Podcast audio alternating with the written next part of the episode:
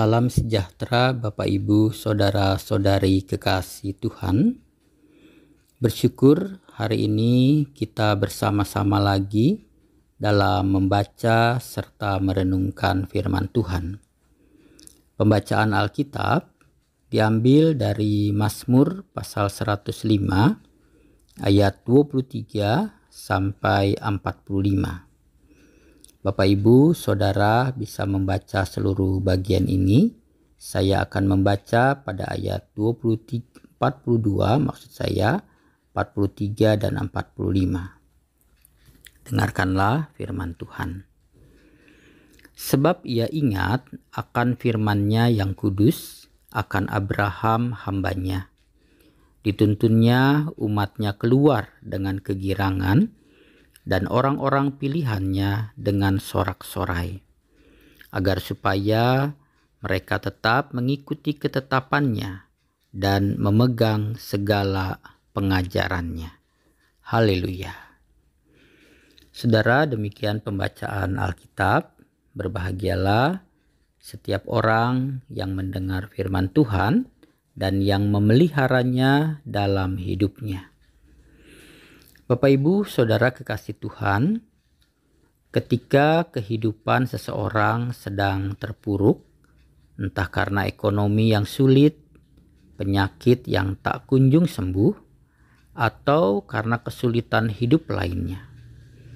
Biasanya saudara-saudara, di saat seperti itu orang cenderung untuk berharap terjadinya sebuah mujizat atau keajaiban di dalam hidupnya, di mana ia dapat terbebas atau keluar dari kesusahan tersebut.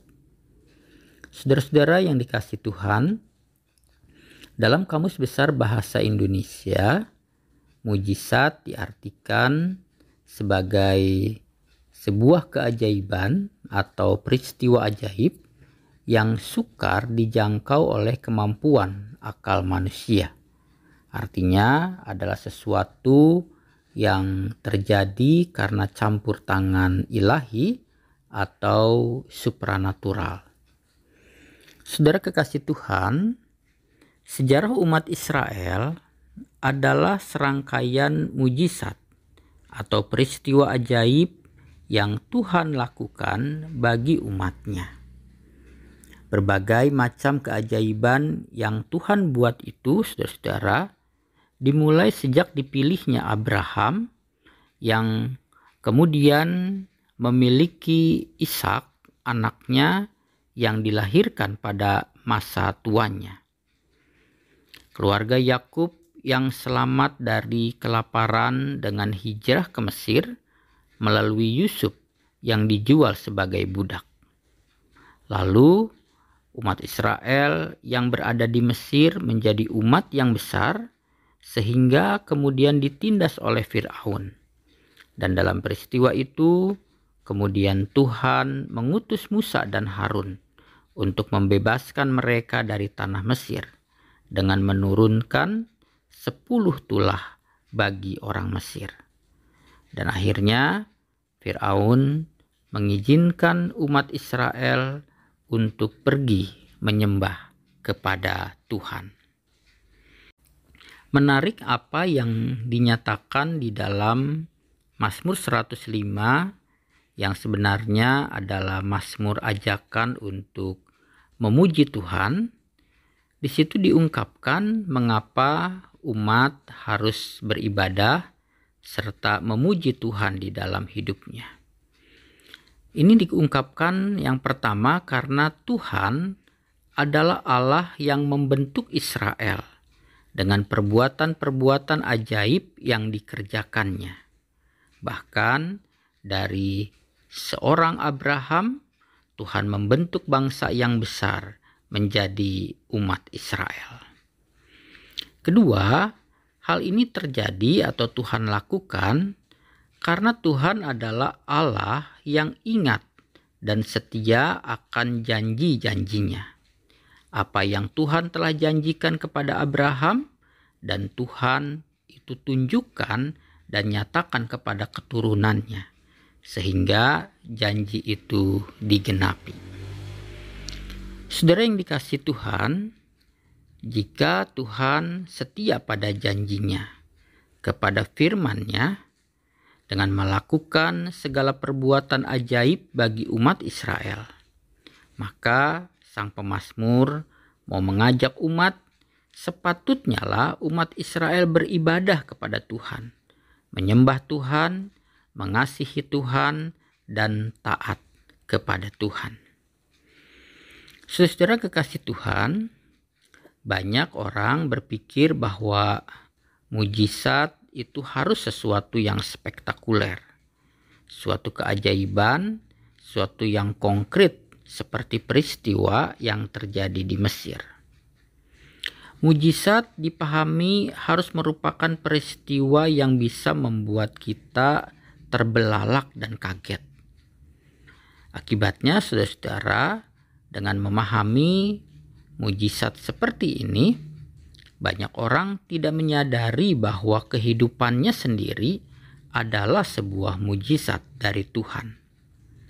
Bila kita renungkan, saudara, bukankah ketika tangan dan kaki kita masih bisa bergerak, ketika mata masih bisa melihat, masih bisa berkedip, bahkan mungkin kita menangis. Bukankah ketika organ-organ tubuh kita masih berfungsi dengan baik? Bukankah semua itu, saudara-saudara, adalah mujizat dari Tuhan? Hidup ini sesungguhnya adalah sebuah mujizat, sebuah keajaiban. Karena hidup ini sebuah keajaiban, saudara, maka seharusnya kita mensyukuri hidup ini. Karena hidup ini adalah pekerjaan Tuhan atas hidup kita. Kedua, saudara, kalau hidup ini adalah mujizat, kita patut menjaga hidup ini dengan segala upaya kita dari segala ancaman kehidupan. Misalnya, saudara-saudara, pada saat pandemi ini, ancaman kehidupan itu adalah virus, dan kita untuk memelihara, menjaga kehidupan, kita patut, saudara, untuk mengikuti protokol kesehatan dengan sebaik-baiknya. Ketiga, jika hidup ini adalah keajaiban dari Tuhan, maka sudah sepatutnya saudara-saudara kita memuji Dia, beribadah kepada Dia sebagai wujud syukur kita untuk memuliakan Tuhan di dalam hidup kita. Kedua, saudara, kita perlu memahami bahwa mujizat atau keajaiban itu tidak melulu bersifat jasmani, misalnya berupa kesembuhan fisik, sesuatu yang material atau kasat mata. Tetapi mujizat juga bisa berupa hal-hal yang rohani, non-materi, dan tidak kasat mata, yaitu berupa iman atau percaya. Orang Mesir, saudara, dan orang Israel di dalam kisah pembebasan umat Israel sama-sama melihat mujizat yang dari Tuhan berupa tulah-tulah. Tetapi orang Mesir tetap tidak percaya kepada Tuhan ia mengeraskan hatinya, dan Israel percaya kepada Tuhan. Ini menunjukkan, saudara, bahwa iman percaya kepada Tuhan adalah sebuah keajaiban. Karena iman adalah berarti anugerah Tuhan, pemberian Tuhan. Iman adalah anugerah yang mengubahkan hidup kita dari manusia yang berdosa yang bukan umat Allah menjadi umat Allah. Manusia yang berdosa yang menuju pada kebinasaan menjadi anak-anaknya yang diselamatkan.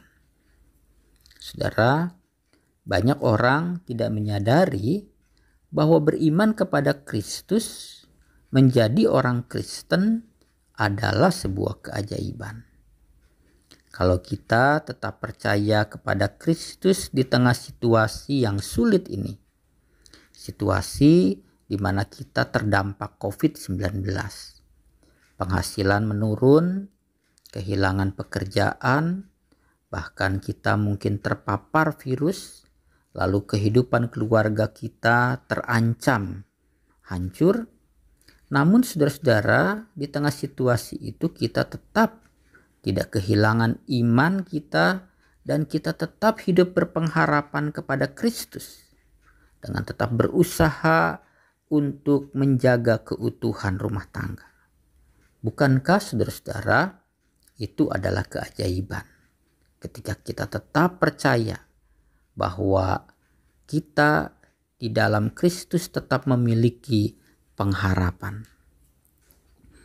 Saudara kekasih Tuhan, hidup kita dan iman kita adalah sebuah keajaiban.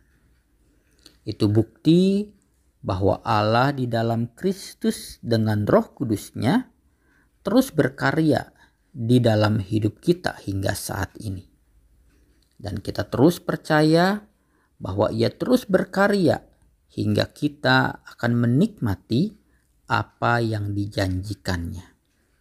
Karena itu, saudara, melalui firman ini, kita juga diajak. Marilah di tengah-tengah situasi betapapun sukarnya, kita tetap percaya kepada Tuhan, beribadah kepadanya dengan setia, hingga kita mendapatkan apa yang dijanjikannya. Kiranya firman Tuhan menolong kita untuk terus hidup seturut dengan kehendaknya.